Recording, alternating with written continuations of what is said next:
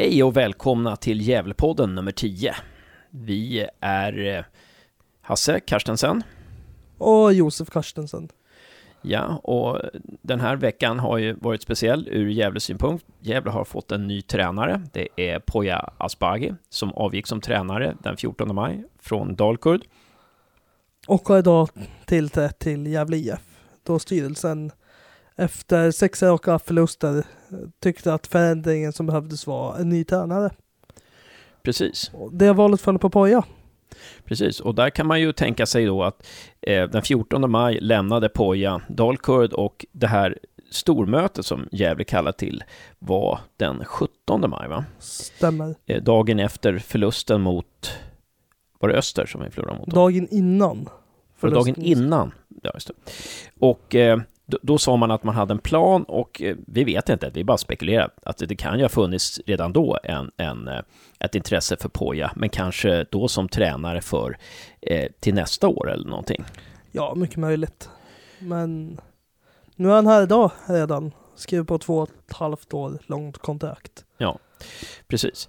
Eh, det var jättekul. Vi hade ett snack med honom och snacket med Poja eh, Asbaghi kommer Eh, sist i podden.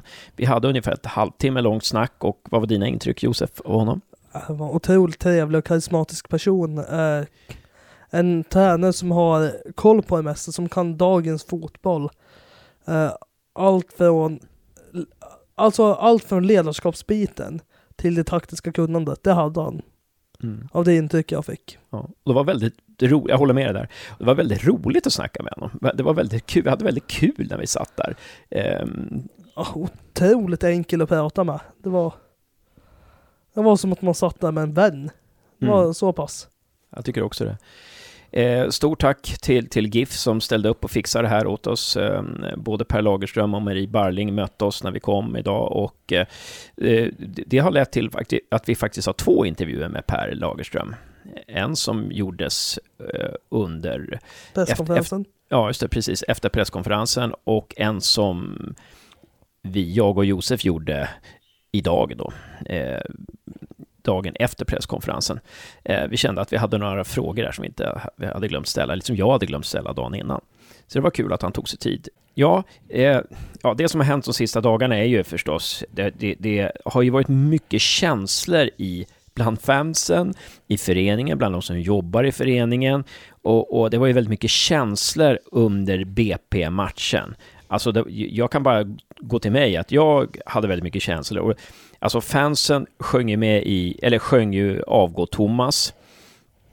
Eh, och eh, det kom en, en, en man från, från sitt plats och sa att fansen skulle sluta sjunga Avgå Thomas. Att vi var en skam. Eh, en skam för Gävle. Och sen så kom Per Lagerström upp på läktaren. Eh, alltså det var väldigt mycket känslor och så samtidigt förlorade vi. Så att det, det var ju inte, alltså det, det, var... hade, någon, hade, hade någon kommit och sagt då att eh, ja, eh, vill du ta ett banklån? så, vet du, så hade man kanske gjort det. Man var ganska förvirrad där. Alltså det var, det var jäkligt jobbigt, den sjätte raka förlusten. Alltså det var jäkla jobbigt att stå där. Eh, och och, och, när man står där som, som supporter så är man ju alltså det är jäkligt jobbigt att förlora. Det är jäkligt jobbigt att förlora den sjätte raka matchen. Och, och, och hur ska man bete sig? Alltså det, det, det, jag, jag, tycker att när ett lag förlorar sjätte raka, då har, då har supportrarna rätt att, att eh, bli förbannade, helt enkelt. Det, det, det tycker jag. Det varit väldigt mycket negativt gång på gång på gång. Det var ju först så släppte de in mål efter två minuter. Och redan där kände, nog, kände jag och kanske några till att där, nu är matchen redan förlorad. Uh, sen får vi kritik av någon okänd person i Yankee-caps. Att uh, vi inte stöttar klubben, typ. Och sen uh, kommer Lagerström upp och tycker vi ska tona ner ramsan. Mm. Avgå Thomas. Det var Ja, och det, man, man, kan ju förstå, jag kan förstå han i Yankee-keps, jag kan förstå, jag kan förstå Lagerström, jag kan förstå supportrarna. Grejen är ju liksom, när, när, när det går så dåligt för ett lag så, så blir det ju frustration, och det är ju frustration i, var ju frustration i GIF också, naturligtvis. Ehm, och mitt i det här står ju då spelarna och Thomas Andersson och vi är ju helt på det klara med att vi tycker ju då, du och jag Josef att det är ju helt rätt att sparka, att sparka Thomas Andersson nu. Så är det ju. Ja, alltså. Jag tror att det är rätt många varit inne på sen eh, torsken 2-5 mot Värnamo till och med. För att försäsongen var väldigt tuff. Och nu och det fortsatte spegla av sig i seriespelet och vi läcker in mål och gör några framåt. Det var inte här man hade förväntningar på superettan. Nu står vi här med fem poäng och efter tio matcher och ska försöka vända på det. Mm. Och jag, jag, alltså jag, jag får säga, jag var ju en av dem som försvarade Thomas in, inför säsongen. Jag, jag, tänkte liksom att med den avslutningen så skulle Thomas vara kvar. Han har trots allt varit alltså, assisterande tränare i Gävle från, se, sedan 2007. Han har varit ungdomstränare dessförinnan, så han måste ju kunna en hel del fotboll. Men med facit i hand så var det inte rätt tränare för den uppgift så, som GIF är i just nu. Då. Och sen, sen har det blivit väldigt mycket det här, alltså det, det, det är ju många som tycker synd om Thomas, att fansen är för hårda mot Thomas och, och, och att GIF har varit för hårda mot Thomas som har avsatt honom nu och så här. Och det, har man en personlig relation med Thomas Andersson så är det helt naturligt.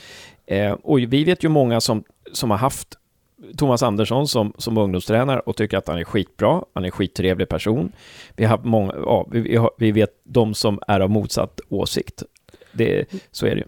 Det är ju också lite att det är en tuff bransch, det är elitfotboll de håller på med. Och eh, då är det någon, alltså det är samma sak med att spelare kommer och går, så kommer ju så är det tränare som kommer och går. Och i det här fallet så avslutar Thomas kontrakt i förtid. Och jag tror, det, jag fick en känsla av att hela jävla publiken fick nästan en lättnad. Och att man ser mer spänt ut på, de här, på den nya tränaren. Eh, mm. Uh, många vill ha tillbaka Pelle Olsson också. Och det, det är också delade uppfattningar om i GIF-leden. Jag var ingen fan av det. Nej. Men jag, jag har ju förespråkat Poja sedan han fick kicken. Mm. Från Dalkurd. Och nu har jag Poja i Gävle.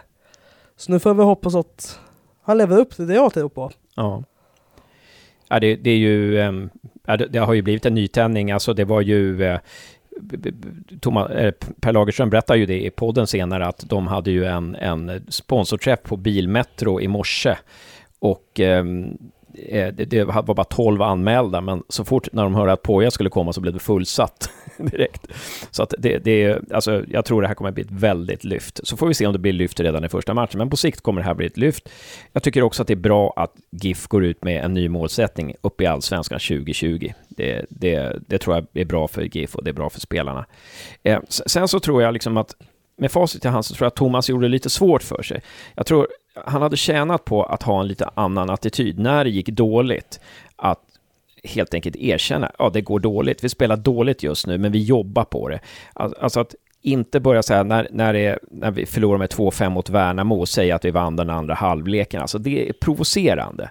Eh, både som, me, som medlem, supporter och eh, eh, ehm, sponsor att höra det. Eh, Likaså tycker jag det att, att Thomas, ja, det här när han säger på presskonferensen att eh, när han svarar på frågan hur han kände när fansen buade, att han säger att ja, när det går dåligt för ett lag så är det enklast att hänga ut tränaren. Och där säger han lite indirekt, där skyller han lite indirekt på spelartruppen som att det skulle vara spelarnas fel. Alltså, ja, lite, det... mer, lite mer mediaträning där tycker jag från Thomas sida. För det där, sådana uttalanden retar upp folk alltså.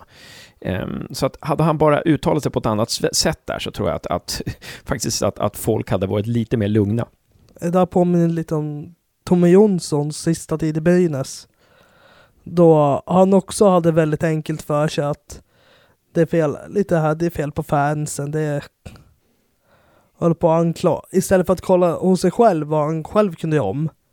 Så var det oftast att fansen fick skiten för det. Men, och ofta inom, i alla fall inom Gävle, i Gävle, alltså Gävle stad menar jag, så, då hockey och fotbollen, så är det ofta så att när fansen ser någonting, eh, som att de tycker att en tränare borde sparkas eller avgå, då har fansen inte alltid, men rätt ofta rätt. Mm.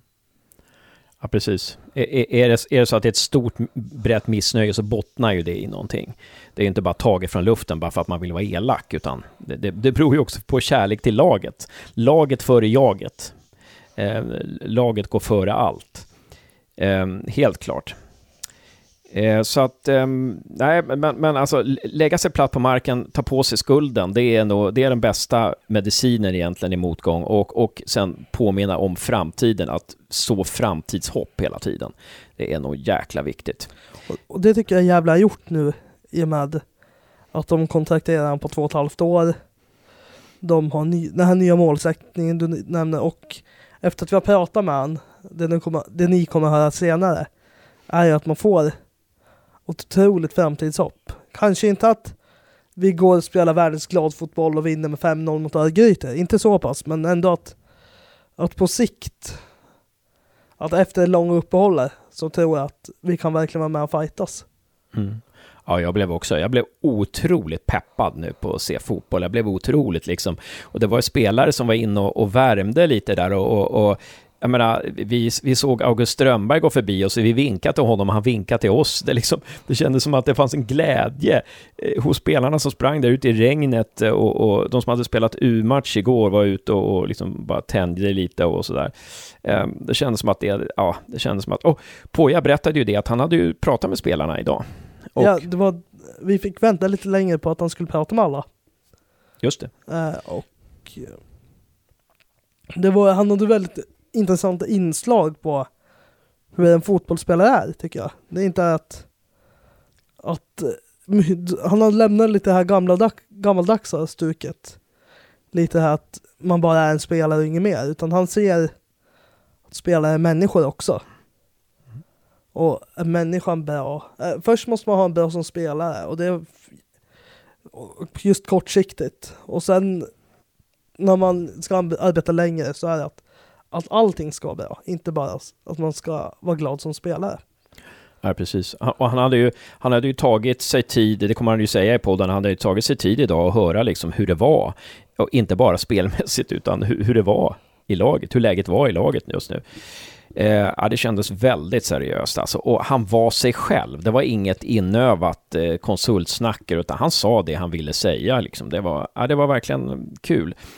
Eh, men ska vi släppa fram intervjuerna då, Josef? Eller vill du säga något mer? Nej, jag tycker vi släpper fram intervjuerna. Ja. Och då börjar det alltså med eh, en intervju med, som jag gjorde med Per Lagerström direkt efter presskonferensen. En intervju med Stisse Åberg som jag också gjorde direkt efter presskonferensen igår.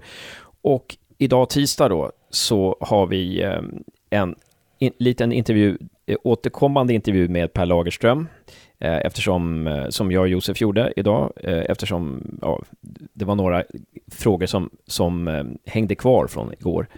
Och då, sist men inte minst. Poya Skabi. Precis. Och ja, det, det är en, ungefär en halvtimmes intervju. 25-30 minuter någonting. Eh, ja, eh, kära Giffare, eh, det känns som vi börjar något nytt eh, från och med den här veckan. Känns otroligt spännande. Eh, hoppas vi alla ses nu på Örgryte-matchen som går på söndag. Vet du vilken tid Josef? Börjar klockan tre. Ja. Som börjar klockan tre. Ja, det ska bli oerhört spännande. Hoppas vi ses så många som möjligt då. Och det vi ska också påminna om är att GIF tränar imorgon onsdag 10.30 på Gavlevallen. Vore jäkla kul om vi kunde bli ett 50, 50-tal där som sjunger och hejar. Eh, ja, men, hoppas ni får en trevlig lyssning.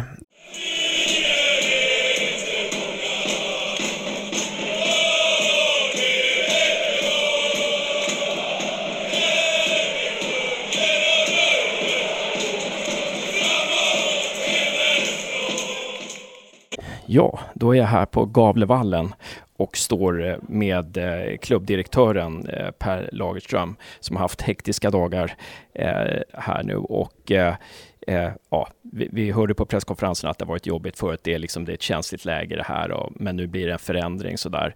Ehm, och förändring är väl alltid positivt, eller vad säger du?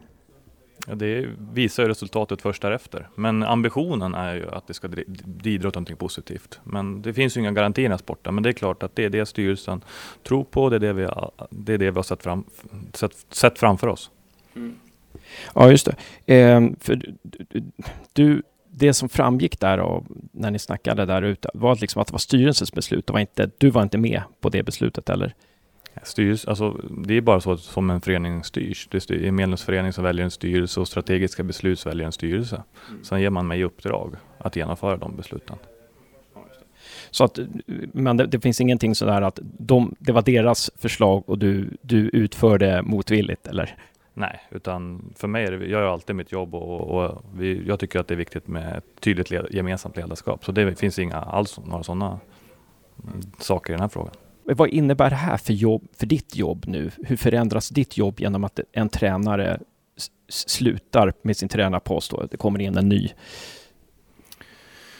Bra fråga. Så dels handlar det ju nu då när vi har en ny tränare att få Poja att komma in i, i, klubben på ett bra sätt och ge han det stöd han behöver och, och, och de riktlinjerna. Sen tror jag att han är tillräckligt kompetent och, och jag vill inte som klubbchef, så, så jag har sagt det förr, jag säger det igen, jag ska inte blanda mig i för mycket i, i själva vare sig spelet eller den gruppen utan där är det det ledarteamet kring laget som jobbar. Sen är den, det laget en del av hela Gävle IF och det är väldigt viktigt att vi får ihop den helheten. Så det är en ny person som Gävle IF inte känner. Hur kan vi få Poja ut i vår verksamhet? Hur kan vi få honom ut i våra ungdomslag? Hur kan vi få honom med på möten med akademitränare? Hur kan han träffa sponsorer?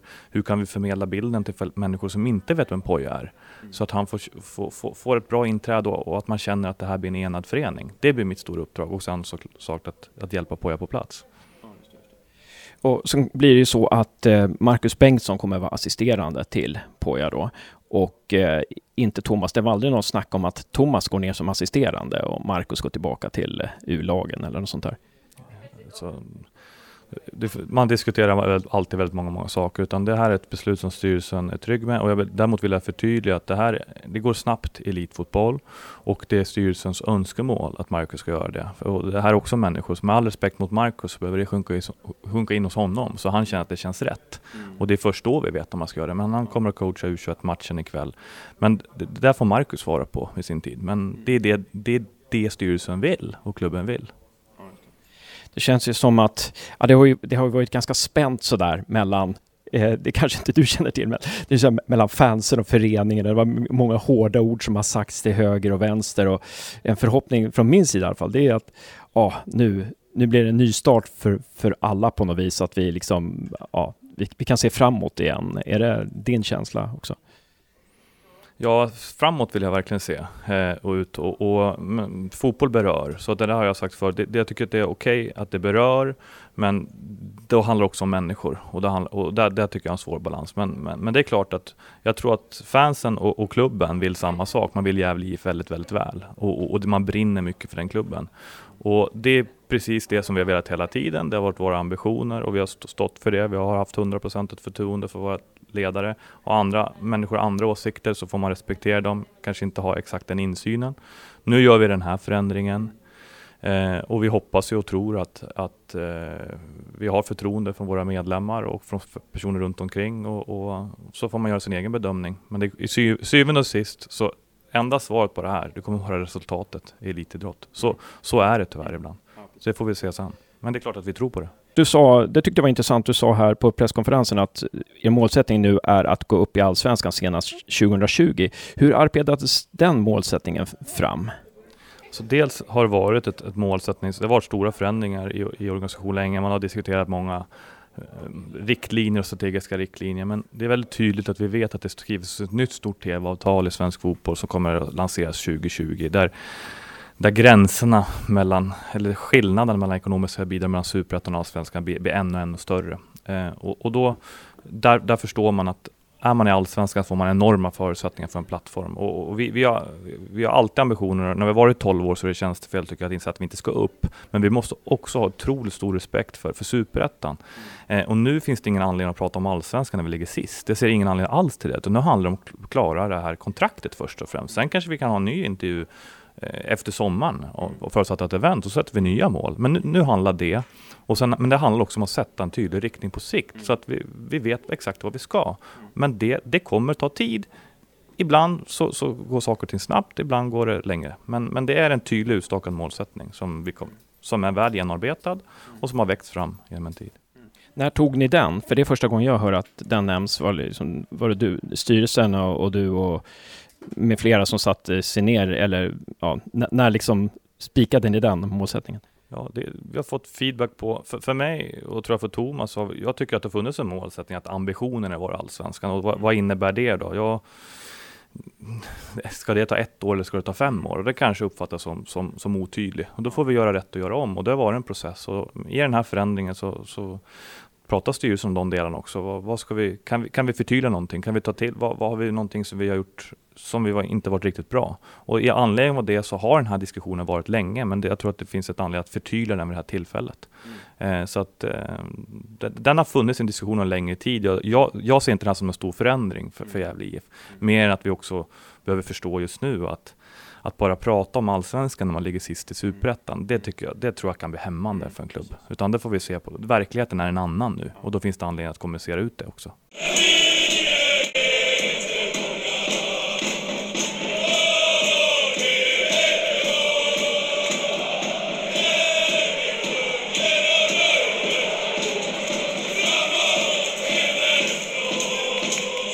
Ja, nu sitter vi här i pressrummet på Gavlevallen, sitter tillsammans med Cissi Åberg, en stor ära. Eh, eh min stora idol här på, på eh, sporthimlen, sportkrönikörhimlen. Eh, du, du, skrev en väldigt, du hade en väldigt rolig ingress i dagens tidning där, där eh, mors dag och, och fars. det, den, den uppmanar jag folk att läsa det. Eh, och så har vi sett precis då att eh, Poja har blivit eh, ny tränare i eh, Gävle IF och eh, Eh, Thomas Andersson ska få andra uppgifter. Eh, Marcus Bengtsson blir assisterande. Och eh, hur reagerade du när, när du hörde det här? Säga, först så liksom kom ju spekulationen igång igår kväll väldigt mycket när då Pelle Olsson fick gå från AFC Eskilstuna. Eh, och då kände jag liksom att ja, när GIF kallade presskonferens idag så snabbt kan det inte gått med Pelle Olsson. Eller vad.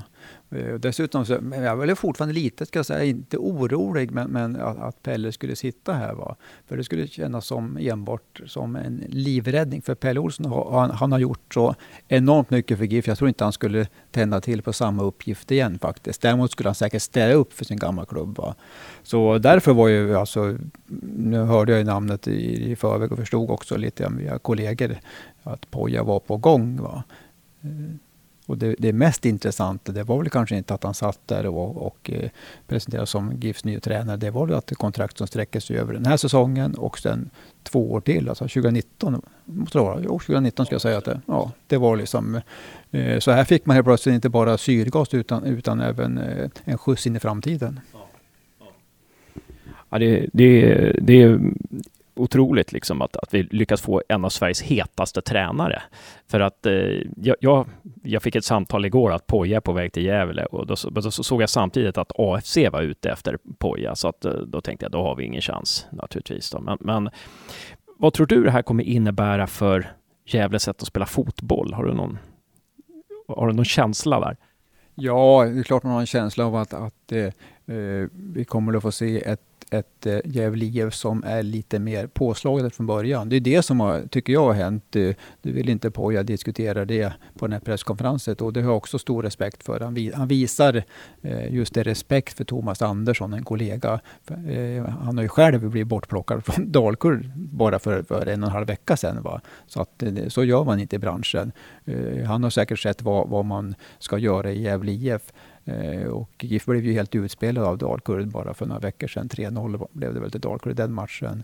Eh, så att jag tror att man, man, man kan gå med nu är det alltså match redan på söndag på golven. Det är lite, lite snabbt, men man kan nog eh, ställa in sig på att eh, inte bara se ett lag som kanske tar sig upp över den här sträcken, utan även kanske börja spela en, en, en fotboll som eh, är lite modernare. Eh, en, en fotboll som kan bygga eh, publik på ett annat sätt än, än vad man eh, lyckats med den här säsongen. Mm. Du har ju varit inne på i din krönika, om jag inte minns fel, kanske om det var den sista eller någon annan, att, att Gävle har ett bättre lag än än den placeringen visar. Eh, tror du att det enbart är tränarens fel eller tror du att det Thomas Anders, eller tror du att det beror någonting på lagsammansättningen, att vi ligger där vi ligger? Eh, man har alltså flera intressanta spelare. Halva truppen är, eh, har ju allsvenska meriter, alltså spelat allsvenskan och, och gjort det bra. Och sen har man tillfört en grupp yngre spelare, inte grupp ska jag säga, individuella spelare eh, i Piotr Johansson, Christian Ljungberg, Dennis Hymmet. Va?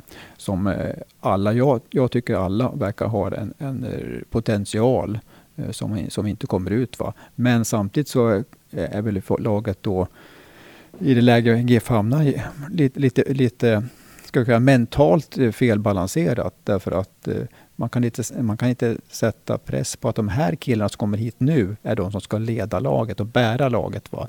Det är det man har saknat egentligen eh, och inte, inte kunde värva heller. Johan Oremo och Jonas Lanta är ju, är ju kulturbärare i klubben eh, som kliver fram när det verkligen, verkligen gällde. Det gjorde man i höstas faktiskt. Då visade de att de är ledare. Men, men det, är inga, det är inte den typen av ledargestalter de är egentligen. Va?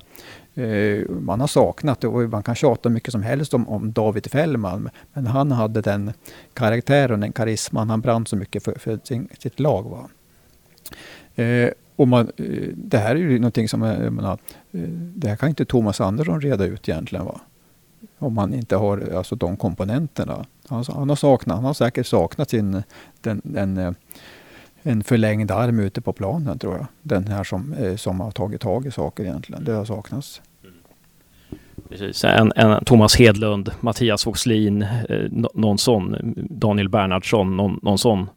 Ja, precis. Du nämnde det, Bernhardsson som eh, eh, var, var liksom en, in, inte den största talangen men hade det största hjärtat för klubben. Det var. Och även hade en vinnarinställning på planen. Som, eh, eh, han tog inte skit av någon, om det var Malmö FF eller vad som helst. Utan han, han gjorde sitt jobb. Han, han gjorde liksom till 100 procent varenda gång. Mm. Det var intressant alltså när Donny Bernhardsson, han var skadad, då fick vi, fick vi inga straffar med oss nästan, eller frispark. Han var, han var väldigt bra på att liksom ha, ha, kontroll på domarna också, ta vara på oss, våra rättigheter liksom på plan. Um, vad var det mer jag tänkte på? Jo, nu, nu sparkar vi efter tio omgångar. Um, tycker du att hade det funnits möjlighet att, tycker du att det borde ha skett tidigare? Eh, Simon Ridell sa i vår podd i avsnitt fem, tror jag det var, då sa jag, ska man sparka Thomas nu? Och då så sa Simon Ridell, nah, han ska få några matcher på sig. Tio matcher kommer han få. Nu har han fått tio matcher. Eh, så han var lite siare där. Men är det, ja, är det, hade man inte kunnat göra det tidigare? Eller tycker du att man borde ha agerat tidigare? Nej, men alltså det, det, är ju en process det där. Det måste ju mäta av över liksom li, lite tid. Där, va? Att det råkar bli tio matcher nu, det hänger väl ihop lite grann med att, att du, du, du, du vann inte någon av de här hemmamatcherna. Alltså tre raka hemmaförluster och i, alltså ingen poäng alls egentligen. Då. Sen om det liksom förlusten igår var det den utlösande faktorn, det var det klart på, på något sätt. Då, va? Att här, här finns, inte, finns inte mer. Va? Så att, eh, jag, jag tror inte man hade kunnat sagt att eh, oj, vad bra om GIF hade, hade bytt tränare efter åtta matcher. Det hade, man måste låta sådana, sådana smärtsamma processer eh, pågå en tid innan man tar beslutet så att alla känner att nu har vi tagit rätt beslut. Va? Mm. Så att, och dessutom i det här fallet så Eh, hade man då tagit bort Thomas Andersson efter åtta matcher, då hade man inte haft någon Poja som tränare. Så är det också. Det är klart det sitter ihop lite grann det där också. Va? Sen är det ju eh, humorn att Pelle Olsson just igår får, får sparken då och GIF dagen efter byter tränare, men det är inte Pelle Olsson. Ja, så är det. Ja, det, det, är fascinerande alltså. Um, hur livet, livets dramaturgi på något vis där. Um, ja, um, men, men vad ser du? Alltså, det, vi har ju sett att försvarsspelet har ju varit, alltså, varit, alltså jag tänkte igår, alltså det är försvarsspelet som är grejen. Alltså det, vi, de bara promenerar in i mitten liksom och, och, gör lite som de vill, motståndarna. Men, men det jag också tänkt på, eh, men det jag tänkte höra med dig, vad ser du för eh, vad ser du för eh, styrkor med det här Gävle? Alltså, ja, vi har ju åkt på otroligt massa förluster och vi ligger sist, men vilka styrkor finns det i laget? Jag skulle säga att jag räknar upp några av de här namnen. Jag skulle säga att BP eh, hade i sin laguppställning inte en lika bra spelare som Dennis Hymmet. och kanske inte ens i Piotr Johansson. De, de, däremot så hade de ett, ett, ett ungt talangfullt lag eh, och även en, del äldre spelare med rutin från BP Eh, som, som var ett väldigt bra lag. Va? Det, det är det man alltså inte har lyckats med i år som man brukar vara i Gävle. Det brukar ju vara ett lag egentligen. Som, eh, så förlorar man så gör man det som, som lag i alla fall. Nu ser man, du, du sa just det att, ja, att man bara sprang igenom backlinjen. Ja, men en backlinje är ju ingen isolerad lagdel utan det handlar om vad gör, vad gör mittfältarna där. Va? Och man såg, ja, vi, vi kan ta första målet igår att, att, eh, när det brister. Va? Att backlinjen, de backar och, och det finns ingen som, som hänger med från mittfält eller liknande. Så att det, allting sitter ihop. För försvarsspel är ju faktiskt inte bara målvakten och, och eh, mittbackarna och ytterbackarna. Utan det är ju egentligen he, hela laget. Va? och Gifoil lyckas ju inte sätta press på BP någon gång någonstans på hela plan. Va? Och det handlar ju handlar mycket om eh, samarbete mellan två forwards där. Va? Ormo är ofta en, en rätt bra defensiv forward i defensiva arbetet. Va? Men när det inte sitter ihop, när han inte vet vad hymmet gör och när han inte vet vad, vad de andra killarna bakom gör, då, då blir han liksom en, en lätt figur där också. Mm. Ja, precis, för i, ibland så, man, man ser sådana här saker som att Oremo, alltså han får ju, han får ju dra sånt tungt lass Oremo. Upp och nicka, upp och nicka och brösta ner och så finns det ingen där på något vis. Eh, det, men så det, det är lite eh, märkligt. Men man, och så ser man ju att fotboll verkligen är ett lagspel med, med Brommapojkarna som mister sina två bästa spelare strax före seriestart, blir värvade och de bara fortsätter på liksom som en, som en lagmaskin. Och där, där kan man ju faktiskt se att tränaren har nog rätt stor roll i hur, hur, hur ett lag ser ut. Det är väl kanske annat i tennis när man spelar spelar för sig själv och sådär. Um, ja, någonting du vill tillägga där? Som, någon tanke du någon mer tanke du fick här? Nej, men det är ju en massa liksom, tankar bakåt i så fall. Var, den förra matchen så alltså, man, man såg hur en del, för, alltså när spelare försöker nästan så att de försöker in i, i ett slags alibiläge. Att jag har bollen, nu ska jag göra någonting, jag, jag sätter fart här. Va? Och sen står alla andra och tittar på och undrar vad han gör för någonting. Och, och hoppas han lyckas. Men jag vill inte bli inblandad. Det är den känslan jag har fått lite grann. Va? Och det handlar ju om liksom det, både det individuella och det kollektiva självförtroendet som är så viktigt i, i ett lag. Det var. Du kan ju åka på smälla då och då, eh, förlora matcher med, med, med, flera mål, men ändå känna att ja, vi, gjorde, ja, vi gjorde ju rätt grejer i alla fall. Va? Och sen eh, var det tillfället som, som gjorde att vi, att vi släppte in mål. Va? Men i en förlängning, men i det här fallet så verkar man inte liksom känna att, att man lärt sig någonting från någon, någon match överhuvudtaget, utan man har gjort massa förändringar och nu såg vi senast nu, nu gick man ner på en slags fembackslinje. Va? Och sånt där, eh, ja, det rubbar ju också lite grann. Um, ja, just det. Det, det hattas lite fram och tillbaka där. Ja, um, ja fasen var en fråga jag hade där. Uh, ja, det var bra. Nu kom jag på den. Nu kom jag på den. Det kom jag på den. Uh, men alltså, det gick ju så bra i, det gick ju så bra i höstas. Um, du, du var inne på det när du, vi stod och pratade i korridoren lite, då så sa du liksom att jag Eh, det här med hösten, om jag får citera dig där, att hade, hade, hade inte hösten varit så bra så kanske inte Thomas Andersson hade blivit eh, huvudtränare under 2017. Eh, men vad var det som gjorde att det gick så bra i höstas tror du? Vi var obesegrade i sex raka matcher och höll nollan mot Malmö hemma och, och ja, spelade 3-3 mot Göteborg borta och utklassade, får man nästan säga, Östersund borta. Vad, vad, vad, tror du vad som gjorde att vi var så bra då? Helt plötsligt fungerar ingenting. Det var ju, ju samma tränare. Eh, jag skulle säga så här att det, det jag blev imponerad av Thomas Andersson i fjol var just det. Han fick ju inte heller någon sån här kanonstart. Jag för mig att det var Falkenberg som förlorade mot den första matchen, alltså den 13 gången, där man behövde vinna. Och man hade flera matcher då, så man, det här måste man vinna då på, på sommaren. Om man förlorade ändå. Va? Och det såg ännu mer hopplöst ut. Va?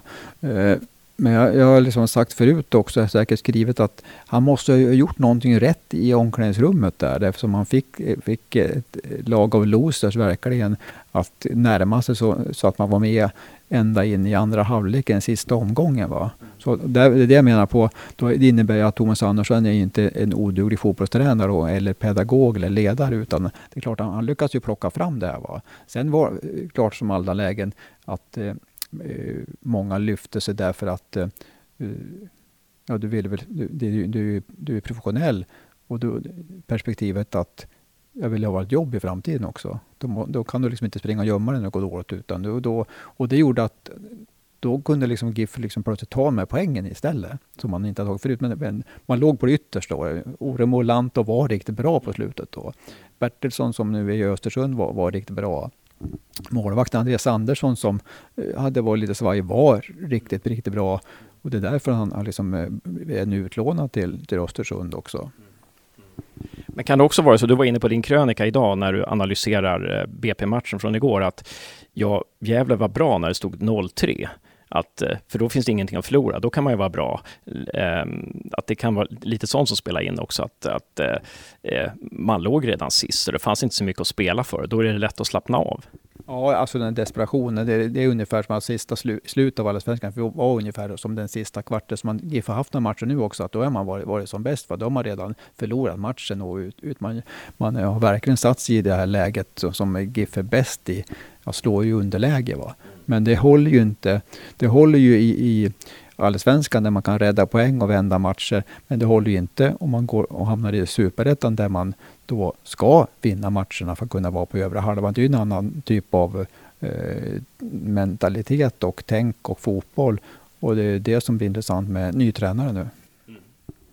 Ja, det ska bli jättespännande. Jättetack Stisse för att du tog dig tid. Är det någonting du vill tillägga?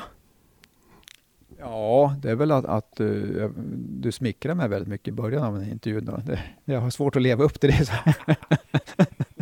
Nej, men däremot är det, det, det, det, det tror jag många känner till, att jag, jag tycker om att skriva om Gävle IF. Det, det liksom berör på ett sätt. Va? Eh, jag brukar säga att eh, skriva om Brynäs, det är att skriva om en, en, en nationellt eh, varumärke som alla är intresserade av och många bryr sig som inte bor i Gävle. Va?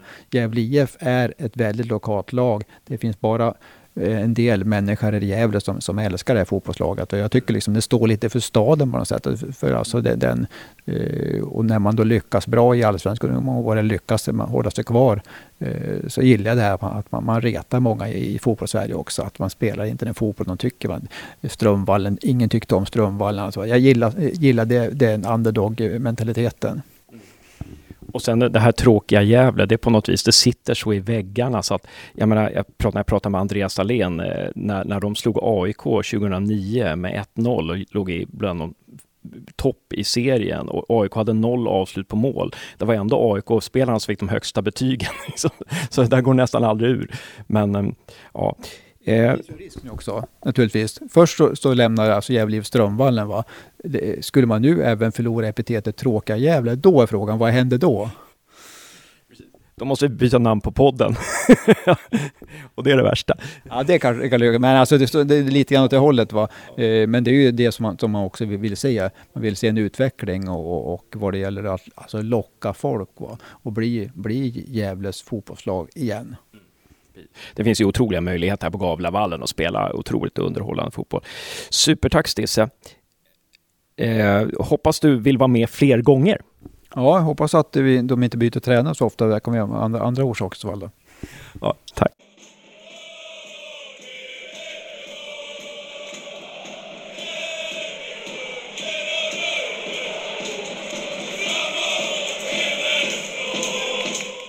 Nu är vi här på Gavlevallen jag och Josef, vi sitter och tittar ut över Gavlevallens gröna matta här, som snart kommer fyllas inför Örgryte-matchen, som är på söndag, eller?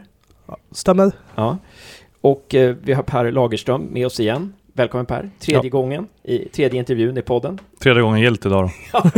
ja, det har varit suveränt de förra gångerna också. Um, hörru du, det som vi var nyfikna på, det var ju lite om... Uh... Varför ni just valde Poya Askabi? Ja, eh, viktig fråga såklart. Eh, ser så, idag en, en ny dag på, på Galevallen, så är det en ny start. Men, men för oss är, är jag tror Malin sa det igår, alltså Poja är en av Sveriges mest talangfulla tränare. Han har på kort tid, på helt egna meriter, tagit sig dit han är. Han har ingen spelardel, liksom spelarkarriär, han har inget kon sånt kontaktnät, utan det är att han har varit en skicklig tränare på olika nivåer. Så att, och det, det tycker vi är väldigt viktigt, för det krävs. Sen handlar det också om att Ehm, det handlar om att hantera ett pressat läge. Gävle IF ligger sist i, i Superettan, en anrik förening som kommer från Allsvenskan. Det är otroligt krävande att, att, att ta över ett lag i det här läget. Då kan man tycka, kan en yngre tränare göra det? Och, och det är vår bedömning att han kan det. I trycket i Dalkurd, det är nästan som ett landslag. Han berättade i morse på ett partnermöte att de har nästan två miljoner fans på Facebooks sida som trycker. Så att han har hanterat tryck utifrån. Han är väldigt tydlig vad han står för. Det är också en viktig detalj. En, en, en tredje anledning det är att det är också skarpt läge. Det är match på söndag.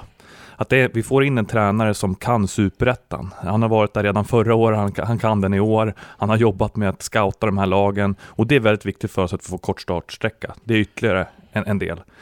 Sen tycker vi också att Poja eh, precis som Gävle IF vill utvecklas. Alltså, han är inte klar som tränare och vi är inte klar som förening. Och den här kombinationen tror vi väldigt mycket på att vi kan få utvecklas tillsammans. Han är otroligt hungrig att komma in och få det här uppdraget. Han, han har, han, han kom, man har såklart att Poja var eftertraktad.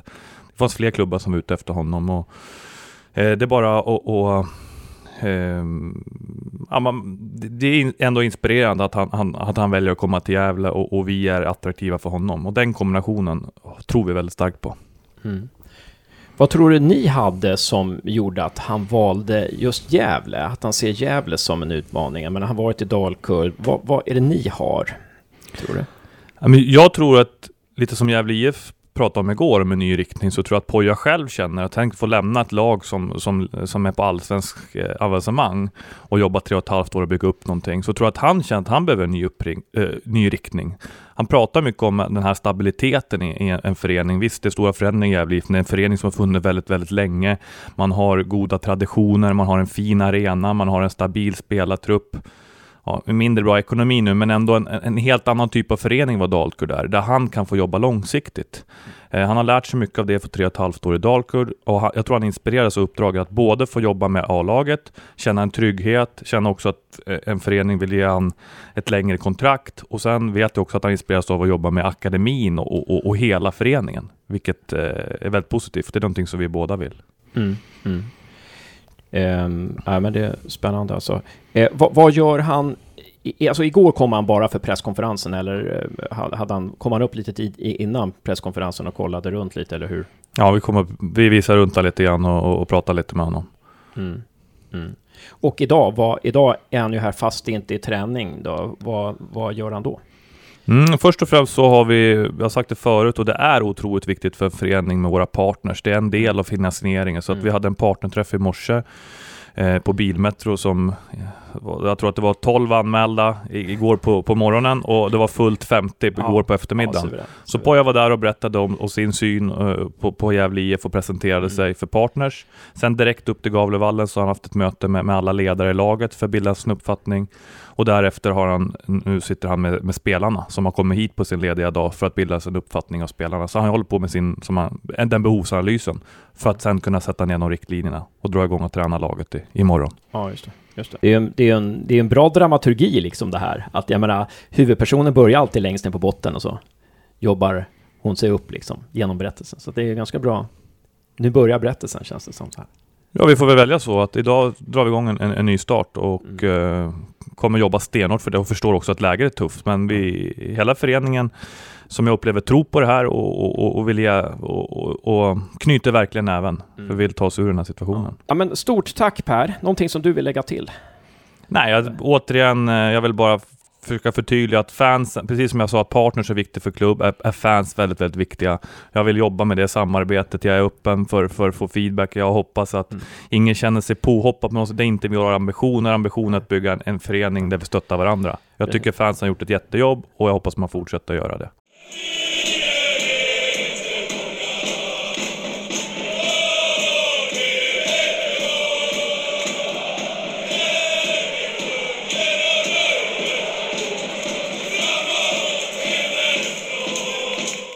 Välkommen till Gävlepodden ja, Tack så mycket, As tack. Asbaghi. Jättekul. Tackar. Kul att vara här. Tack. Eh, eh, ja, Josef där, eh, Hans heter jag. Vi, vi har gjort jag gjorde, var med i en Gävlepodd för några år sedan, men nu har vi, startar vi upp en igen och vi, vi tänkte liksom, det var när det var som tyngst, vi tänkte, vi bara, när, det, när det är som tyngst måste man jobba som hårdast liksom. Ja, ja exakt. Det, det, det, har varit en tung vår här, så det är kul att det händer någonting. Ja. Det här, den här podden har också varit lite vårt sätt att få ut vår frustration över spelet och resultaten och allting kring Gävle. Ja, precis. Så har det varit. Men vi, vi tänkte första frågan sådär att, ehm, jag menar nu, nu är det match på söndag liksom. Och du, första träningen är imorgon va? Liksom, vad, vad är det viktigaste nu för dig när du kommer in liksom? Vad är det viktigaste du, du, du måste göra nu inför söndagen? Ehm, det är lätt hänt att man går händelserna i förväg och vill sätta sin prägel på allt och förklara för alla hur man själv vill ha det och sådär. Jag har varit väldigt noggrann med att, att eh, jag har varit väldigt öppen och lyssnat väldigt mycket. Redan idag, nu är första träningen på plan imorgon. Men jag har redan hunnit haft trä, träff med både ledare och spelare. Och där har det varit väldigt viktigt för mig att höra eh, om deras åsikter, hur de mår, vad de har varit med om och vad de har känt har varit bra, vad de känt kan bli bättre. Eh, för att innan jag vill sätta min prägel så vill jag verkligen ta hänsyn till det. Eh, så att så ser min första tid ut. Ja, just det, just det. Och när du säger hur de mår, är det liksom som spelare eller som människor? Eller? Mm. Som människor kan ju faktiskt, mycket av mitt ledarskap bygger på att se människan. Mm. Sen kan jag väl säga att nu på kort sikt sådär, så kanske det handlar mer om hur de mår som spelare. Mm. Eh, Men successivt vill jag också komma dit där jag ser hela personen. För att så har jag alltid jobbat och det, det tror jag är viktigt. För att jag tror man kan nå fotbollsspelare på ett annat sätt om man förstår liksom helheten. Och ser hela deras vardag än bara det de gör när vi träffas två timmar per dag. Mm. Mm. Ja, alltså ska man spinna vidare lite på det där så är det väl, du verkar vara väldigt intresserad av den mentala biten i fotbollen. Mm, jag tror att det är så här, det är en bra fråga. Jag är väldigt intresserad av fotboll. Och jag är minst lika intresserad av den taktiska biten. Jag är jätteintresserad av den tekniska och fysiologiska biten. Eh, jag är inte intresserad av den psykologiska biten mer än de andra. Men jag kan säga att den psykologiska biten är den som är mest underskattad i fotboll. Om du frågar alla fotbollslag, så, eller fotbollstränare, så kommer de fråga dem så här, hur jobbar du med taktik? Och då har de ju långa föreläsningar för dem hur de jobbar med taktik. Om du frågar dem hur de jobbar med teknik eller med, med fysiologi idag så kommer många inom fysiologi prata om förhejen eller så kommer de säga att vi jobbar si och så. Mm. Men när du frågar om den psykologiska biten så kommer de säga ja men den psykologiska, ja men någon gång har vi en mental coach som dyker upp en gång per halvår. och det ju, blir ju lite missvisande tycker jag, Ja, för att psykologi är minst lika stort. Eh, och jag tror att många fotbollstränare i framtiden som ska vara elitfotbollstränare inte kommer kunna vara just elitfotbollstränare om de inte tar mer hänsyn till den psykologiska aspekten i fotboll. Den är otroligt underskattad och den är inte tillräckligt utvecklad. Ja, just det. det är intressant, för förra, i förra podden så hade vi intervju med Lars-Erik Unestål som var liksom mental coach åt, åt Håkan Eriksson under U21-EM där. Och eh, han sa att, jag tror att han hette Ulf Söderström som jobbar med mentala biten i Dalkurd där. Mm. Det- Stämmer det eller? Stämmer. Ja, just det. Var- det, var det, funkade det bra tycker du, det jobbet där? Ja, alltså Ulf gjorde ett jättebra jobb tycker jag. Eh, jag tycker personligen att när det kommer in någon extern sådär så kan det få en annan typ av effekt. Eh, allting som sägs och så kan man alltid härleda till den personen. Ja, men det var ju det Ulf sa. Än att tränaren kanske pratar om samma saker. Det är ju på samma sätt som en tränare. Den ska gärna ha ett fysiologiskt koll. Men det är bra att man har en fystränare också som kan komplettera en och som tar, som tar ansvar för det. Ehm, så att på det sättet funkar det. Men jag, vill, jag ser gärna att fotbollstränare själva är väldigt eller duktigare på det här och kan sköta större delen av de här bitarna. Även om det finns någon annan som kanske är lite mer expert på området. Skulle jag överväga att ta in en expert på området inom i alla fall den psykologiska biten? För just det har Gävle inte haft nu. Mm. Eller känner du att du, du, du har det där själv, liksom, att du vill jobba med de bitarna själv? Jag tror en kombination av båda skulle väl vara bra. Det är svårt att säga, jag, jag har inte total insyn till hur, hur läget är i Gävle. Ehm, de kanske är noll behov av en psykolog, vad vet vi? Alltså, men det är klart att jag vill gärna jobba med de bitarna själv. Och sen om det kan komma in extern hjälp för att förstärka det jag jobbar med så är det såklart välkommet. Mm. Just det. Och sen så, jag menar, du, du är ju tränare, du, du, du är liksom intresserad av fotboll och du är intresserad av mentala bitar så här, men sen är ju ledare. En del, det är ungefär som lärare. En del lärare är jättebra på matte, men de kan inte lära ut det liksom. Eh, liksom för det är också att vara ledare. Hur ser du på det liksom? Hur, hur, Ja. hur, hur är man en bra ledare? Hur tycker du? Ehm, bra, oj, vilken Eller- bra eller fråga. hur man är en bra ledare? Ja. Nej men lite så att är man ledare så har man ju såklart ett visst ansvar att leda en grupp. Att, att ta en grupp från punkt A till punkt B och så vidare. Mm. Eh, och, och, det gäller ju att man kan göra det jobbet såklart. Eh, om jag ser mig själv som ledare på det sättet så tror jag att jag alltid har varit lite gjord för det på något sätt. Inte Mm. gjord, men har haft förutsättningar för att kunna göra ett sånt arbete. Jag började redan när jag var, var 12 år tror jag. Jag brukar få någon gammal barnkompis som skickar ett utkast, ett brev, ett veckobrev som jag skickade ut till mitt korplag när jag var 12 år. Det var mina kompisar och jag som startade det. Jag spelade själv fotboll och då fick man ju inte spela korp.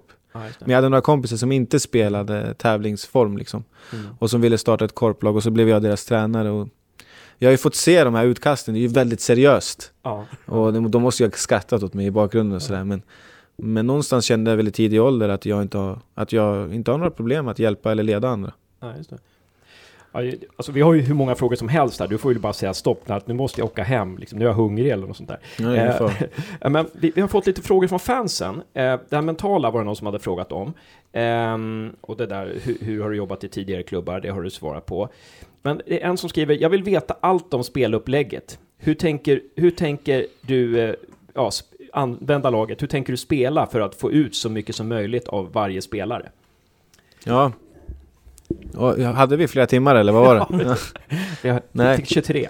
Ja, ja, men jag kan väl kort beskriva ungefär, utan att gå in för detaljerat sådär. Att, som jag sa igår också, att jag känner ju till Gävle sedan tidigare. Och någonting som alltid har kännetecknat Gävle, och när jag har pratat nu med några spelare också så får jag det förstärkt, det är att Gävle har alltid präglats och alltid varit synonymt med ett kollektiv som jobbar hårt för varandra. Jag vet att det är någonting som alla lag ska göra, men Gävle har ju verkligen stått i framkant när det gäller de här. Eh, I allsvenskan i alla år, i underläge, jobbat hårt och ändå fått resultat med sig. Och det tycker jag är först och främst viktigt för min del att poängtera. Det är exakt det som jag också vill åt. Eh, och det tror jag passar Gävle riktigt bra på det sättet. Jag är en hårt, ett hårt jobbande lag. Det är vad som oftast kännetecknar mitt ledarskap, vad jag får ut. Och det vill jag gärna fortsätta med här. Sen så ska man ju vara ärlig och säga att sätt, vilket sätt man får ut det hårda arbetet kan skilja sig gentemot mina företrädare. Mm. Så långt kan jag säga. Att, att jag kräver ett hårt arbete men det kanske inte uttrycker sig på exakt samma sätt som det har varit tidigare. Ehm, fortsätter man med det eh, så vill jag gärna också som fotbolls... I mitt ledarskap som fotbollstränare vad jag hoppas se över tid är att vi kanske kan styra fotbollsmatcher ännu mer eh, med bollen än vad... Eh, ja, helt Än vad. Gävle har gjort tidigare, eller? Ja, Så, Ja, framf- ja, fortsätt, förlåt. ja, det var lite det jag också var inne på. I, jag hade sk- skrivit ner en fråga.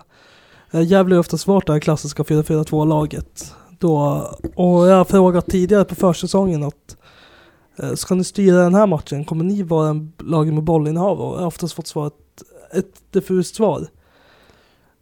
Så det är det jag vill bygga på. Eh, kommer ni börja föra matcher mer?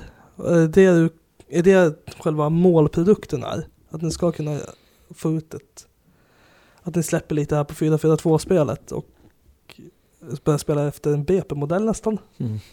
Jag kan väl säga så här att jag personligen, och det var ju mina tankar och sen kommer det behöva synka med hela klubbens tankar och vi ska mötas någonstans där. Eh, men det är ju att mina personliga tankar är att jag är en tränare som gillar kontroll.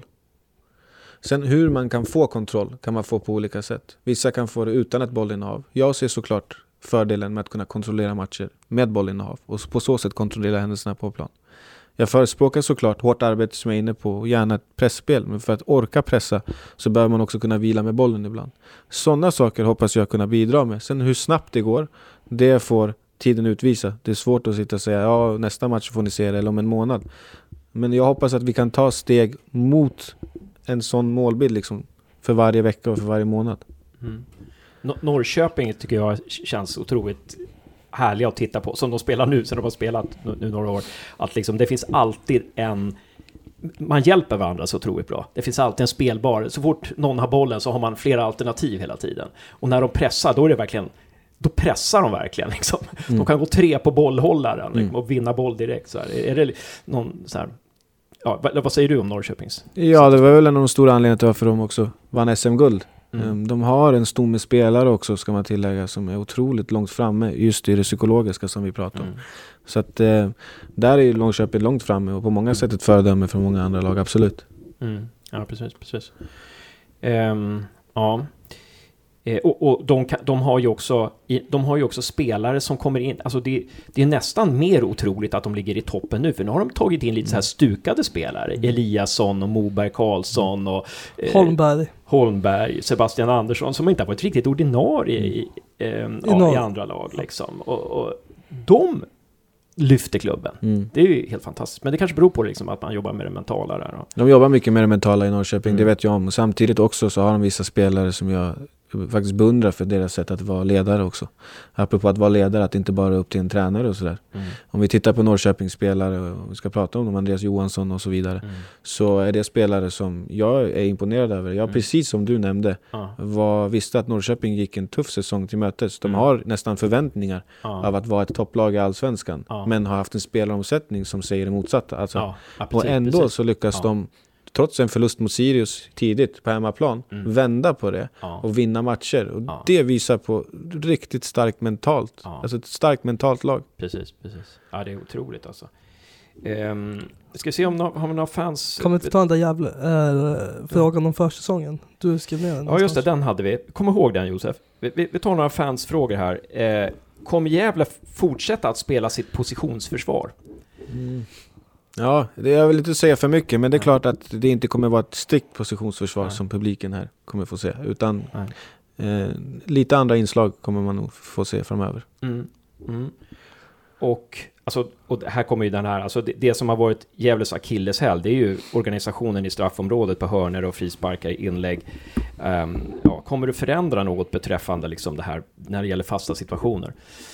Mm. Ja, alltså förändring kommer ju ske successivt över tid. Mm. Vad som blir mest förändrat på kort sikt är svårt att säga. Eh, Mm. Men det är klart att när, om man har varit här en längre tid som tränare så kommer man ju sätta sin prägel på i princip allt. Så att, Mm. att säga att det inte kommer ske någon förändring någonstans, Nej. det är inte sant. Det kommer ju ske förändringar. Ja, just det. Just det. Men mycket av det som har varit såklart har ju varit lite bättre än Ja. det andra och de sakerna är det att ta vara på också. Ja, just det. Kom ihåg den där frågan Josef. Jag ska, jag ska bara, en följdfråga där. För du sa det här med karaktärer i laget. Tycker du att när man värvar spelare så ska man värva in sådana karaktärer? Eller tror du man kan göra dem till sådana karaktärer? Tror du man kan få spelare att lyfta sig att bli dem som karaktärer? Alltså, som Absolut. Andreas Johansson. Ja men absolut, jag tror att eh, lite jag tror att när du värvar spelare så kan du värva någon som är tekniskt väldigt duktig och sådär men som du fortfarande känner att vi kan nå en dimension till när det kommer till teknik. Och det är lite samma sak. Du kan värva en spelare som kanske inte har de alla psykologiska förutsättningar för att vara en ledare eller vad som helst. Men det är också någonting som man kan utveckla. Mm. Och där tycker jag faktiskt överlag i svensk fotboll att, att eh, om det finns någonting som jag känner ibland, så här, fan det här kan vi bli ännu bättre. Det är att Mm. vi har den här förmågan att, att se på en spelare i ung ålder och se att de är, är tekniskt väldigt skickliga. Mm. Men de kanske inte har en attityd eller ett sätt att förhålla sig till fotboll som man alltid gillar. Och då vänder vi ena kinden till oftast. Eller inte oftast, men väldigt många fall. Eh, men får man in en spelare som, som har väldigt bra karaktär, Mm. men lidande teknik, så är man beredd att jobba med den spelaren. Och det kan jag förstå någonstans varför det händer. Mm. Men ibland så faktiskt så kan det vara enklare, att, precis som du var inne på, Ja, att ändra någons liksom, mentalitet ja, än ändra någons teknik. Ibland är det Ja. till och med enklare. För den har ett större spel i sig liksom. Så får man den mentala eller får- karaktären. Och så Ja men det, just det är ju anledningen tror jag varför många till exempel nonchalerar de som har dålig attityd för de som har bra teknik. För att det är klart det påverkar allt annat. Mm. Men jag menar bara det att man ska vara lite mer öppen till just det som du var inne på, att man faktiskt kan förändra de här bitarna. På samma sätt som du kan ändra någons teknik eller utveckla någons fysiologi på Mm. något sätt, så kan du också göra jättestora insatser när det kommer till spelares mentalitet. Det har jag själv sett under mina ja. år. Ja, intressant. Nu, den där frågan som du hade. Eh, ja, du har ju mött Gävle två gånger i år. Hur var, alltså, när man går upp och möter Gävle, vad, vad var det för inställning då ni hade Dalkurd? Lite, hur Ja. var det att möta Gävle här på slutet? Ja, men vi var väl förberedda på vad som skulle komma i princip. Ja, vi mötte ju först Gävle försäsongen här och då hade Gävle precis degraderats från Allsvenskan. Och, men vi visste ju, vi hade bra koll på Gävle och visste att vi skulle få äga boll. Liksom det, sen hur mycket målchanser vi skulle kunna skapa med det bollinnehavet, det var det storklarare för Gävle är ju, har ju alltid varit bra, solida på det sättet. Ehm, och lite samma känsla var det inför matchen på Vallen i Borlänge i serien. Men där och då var vi väl rätt nöjda Ty- med de matcherna, måste jag säga. Tyckte det var vil, vilken gång tyckte du Gävle spelade som bäst? Var det försäsongsmatchen eller var det mot er på Domnars? Ja, det är svårt, men det var ju det är såklart olika matcher. Jag tycker de ändå hade någonting i seriematchen som de inte visade på försäsongen och det är ju lätt hänt för tävlingssäsongen är ju tävlingssäsongen då. Ehm, Men gans, inte så, jag skulle vilja säga att det inte så, så olika matcher faktiskt. Ändå. Det. Hur skulle du vilja beskriva Gävles spel då? Du sa så här, vi visste hur de skulle spela. Hur, hur, liksom, hur var spelet då, om du skulle beskriva Gävle lite kort? Hur, ni visste att, hur Gävle skulle spela. Hur, hur spelade Gävle då? Hur var din analys när du... Jo, men att såklart ett, ett lag som har sina största styrkor i, i det reaktiva. Eh, Att, att agera, eller, liksom, eller reagera framförallt. Mm. Eh, Och att vi visste att de lägger mycket fokus på det och bra på att ställa om och så. Och det Mm. var ju alltid varit ett starkt signum för Gävle och vi visste att det fortfarande skulle gälla i Superettan. Mm. Så det gällde mycket för oss att försöka ta bort det som vi kan göra Gävle starkt. Alltså att få ställa om och så vidare. Eh, Och samtidigt försöka störa dem så mycket som möjligt med, med vårt anfallsspel. Mm. Pressa ganska hårt på backlinjen och sådär. sådär. Ja, men där skulle jag vilja säga att vi inte la någon större skill- skillnad på Gävle eller något annat Nej, lag. okej. okej. faktiskt, på det sättet. Men var, var, var, la ni, var la ni krutet då? Eh, hur, hur, hur såg ni till att de Gävle inte kunde ställa om? Vad var Mm. var det ni gjorde där? Det finns många faktorer. Dels så handlar om vad du gör med bollen såklart. Tappar Mm. du bollen i vissa lägen så är det inte något försvarsspel i hela världen som kan rädda upp dig från en defensiv omställning. Mm. Eh, lite sådana saker, men också vad vi gör med bollen på offensiv planhalva. Eh, och att tänka lite försvarsspel i offensiven till och med när man har boll. Mm. Eh, ja, utan Ja. att gå in för djupt på det helt enkelt. Ja, precis. Nu är vi inne på lite så här. Ja, exakt. Kvantfysik Lite nördigt snack sådär. Ja, Ja. precis. ja, precis. Det, det, det, det var fanfrågorna där. Ja. S- som vi hade. Där, men vi, vi, eh, eh, vi kanske ska ta och eh, ge oss snart här. Ska vi, har vi någon mer fråga innan vi Vi har en sån här antingen eller-lista, så här lite snabba svar. Eh, men, men, men om man ska säga att du, du är ju ganska Alltså du har ju sagt någonstans att du är ganska offensiv. Jag tror du sa, kanske sa det i någon intervju igår också, att du, du tänker ganska offensivt då. Ehm, vad betyder det? Ja, hur, hur spelar man då, när man spelar offensivt? Jag tror inte att jag har sagt offensivt. Du sa att eh, du skulle vilja föra matcher. Mm. Och vi som GIF-supporter ser det som offensivt. Ja men det, men det är bra förklarat. Det var väl det Hasse tänkte som offensivt. Men jag skulle vilja säga så här att jag tror att om du frågar varenda fotbollstränare i hela världen, till och med de mest cyniska någonsin, och så frågar de så här, hur vill du spela din fotboll? Så kommer de säga att jag spelar anfallsglad och, och offensiv fotboll. Alla tränare vill ju liksom, det är det de vill säga att de är, men det är inte alla som kan göra det. Jag känner ju ändå såklart att jag har tankar och en förhoppning om att hela tiden sträva mot det offensiva och att hela tiden bli offensivare och offensivare. Sen måste man vara ödmjuk och se vart man står idag, vilken trupp man har till sitt förfogande. För jag tycker en tränares största uppgift är att få ut maximalt av sitt, Mm. sitt, sitt material. Mm. Sen vilken fotboll det blir, det får liksom lite materialet avgöra. Men sen att såklart, jag som tränare har en målbild och en tanke om vart jag vill komma.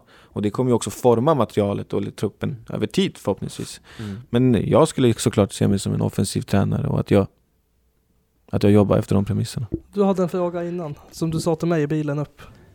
Ja. Skillnaden om han skulle komma in... Just ja, Skill- det, det sa jag, just det. Skill- Skillnaden, jag menar, tänk så här, om du hade kommit in inför den här säsongen, säg att det var januari 2017 nu, liksom, men nu kommer du in i slutet av maj 2017. V- vad är skillnaden? Hur skulle skill- vad är skillnaden mot att komma in liksom efter tio omgångar mot att ha truppen i, från januari? Hur, hur, hur får du agera liksom nu Ja, mot det- om du hade haft dem från januari? Det är att när du har dem i januari så kan du ha ett betydligt långsiktigare tänk i exakt allt. Ja, Jag har ju såklart ett långsiktig plan ja. som hela tiden ska, liksom, det ska fortlöpa i allt vi gör, Mm. det ska finnas parallellt med allt vi gör. Men jag behöver ju samtidigt nu när jag kom in i det här läget ta betydligt mer hänsyn till vilken utveckling vi gör på kort tid. Mm. Eh, För att vi har match redan nu på söndag som är en tävlingsmatch. Mm. I januari har du träningsmatcher, Mm. men de bestämmer inte ditt upplägg. Just Är du med vad jag menar? För det gör ingenting resultatmässigt om Nej. du förlorar en träningsmatch. Nej. Tvärtom, du kan förlora en träningsmatch med 5-0 men spelat fantastiskt. Mm. Och då kan du faktiskt som tränare ibland vara nöjd. För du vet att det där spelet, det kommer ge oss poäng sen när serien börjar. Mm. Nu är ju poängen redan i spel. Mm. Och det gör att såklart det kortsiktiga arbetet Mm. med att försöka få ut kortsiktiga ut, utfall av träning och sånt där blir lite mer nu än vad det var i januari. Ja, just det. Just det. Där är också en liten fråga. Uh, varför just valde Gävle? När, när du gått från Dalkurd, legat toppen och nu måste du slåss om existens i Superettan. Varför vill jag ta på sig det uppdraget? Ja, jag tror att det finns en hel del faktorer. Jag, nummer ett så, så har jag känt från den dagen jag pratade med Gävle och den uppfattningen jag haft om Gävle att det är en klubb som, som såklart är väldigt olikt de miljöerna jag varit i tidigare. Jag skulle kunna säga på många sätt. Det finns många likheter och det finns to många totala motsatser. Eh, och på ett sätt tilltalar det mig. Och det finns de sakerna i Gävle som, som jag kan känna igen mig i. Alltså, eh, ja, men det här är någonting som jag står för och fan, det känns som att vi passar varandra väldigt bra. Men samtidigt också så, så ser jag såklart någonting som jag kan förbättra. Jag ser en potential i Gävle. Hade jag inte känt det, då hade det kanske inte kanske jag inte suttit här. Jag känner att det här är ett lag som är bra, en sund och stabil och grund på. Det finns många bra fotbollsspelare och det finns en vilja faktiskt i truppen och i klubben mm. av, att, av att vilja gå framåt. Mm. Uh, och då kände jag direkt att fan, det kan ju bli hur kul som helst. Sen att man ligger sist eller ligger etta, mm. det spelar faktiskt mindre roll uh, i det här fallet. Tvärtom, jag ser det bara som en utmaning och, och någonting nytt för mig att liksom få ta över ett lag som ligger på sista plats och försöka göra så bra som möjligt utav det både på kort och lång sikt. Mm. Ja, superspännande. Tack. Tack Väldigt själva. intressant på ja. Otroligt. Sen hade vi lite, nu har jag kluddat här Josef, jag vet inte om jag, nu har kluddat över alla våra anteckningar. Läsa din skrift är ju eh, fysiskt ja, omöjligt. Men eh, vi hade lite så här, lite eller-frågor så här. Eh, Kör första du då. Eh, Dalahäst eller Gävlebock? Men Gävlebrocken brinner ju ner hela tiden. ja men det finns ju ändå charm i det, så då säger jag bocken ändå. Ja, FM 17 eller Fifa 17? Um, ehm, då säger jag nog Fifa 17. Um, Gevalia eller Lindvalls kaffe? Uh, Lindvalls kaffe. Okay. Dricker du kaffe? Ja, ja men ingen av dem. det var därför det tog så lång tid att tänka. Okej, okay. och det märket som eh, på jag dricker, det kommer vi avslöja nästa vecka. eh, Tåg i Bergslagen eller Upptåget? Oj. Eh, ja, Upptåget säger jag då. Ja. Eh, Almtuna eller Brynäs? Oj. Eh, jag är från Uppsala men har faktiskt sett fler Brynäs-matcher i mitt liv än Almtuna-matcher så då får jag nog säga Brynäs. Ja. 4-4-2 eh, eller 4-3-3? Uh, återigen, det där är faktiskt för mig svårt att säga bara sådär, det går inte. Det beror på spelartruppen och sådär men det är klart, om du lägger till en till centralfältare jämfört med den andra så kanske jag tar 4-3-3 ändå. Okay. Fast helst 4-4-4? Nej. Ja, eller Om jag får. Ja, du får, ja, du får det. ja, grymt. Då kan vi vinna. eh, Öznujen eller Soran Ismail? Jag gillar Öz, faktiskt. Ja, ja. ja men det var, det var det tror jag. Ja, jo, Hans Carstensen eller Josef Carstensen? Eh, med risk för att inte kunna lämna det här rummet helt så, så, säger, jag, så säger jag inget. ja, det, var, det var en kuggfråga, du ja, klarar ja, det. ja, grymt. Stort tack på Tack, kul att vara här. Helt fantastiskt att vi du ställde ses, upp alltså. Vi ses på söndag hoppas jag. Ja, det gör vi. Verkligen.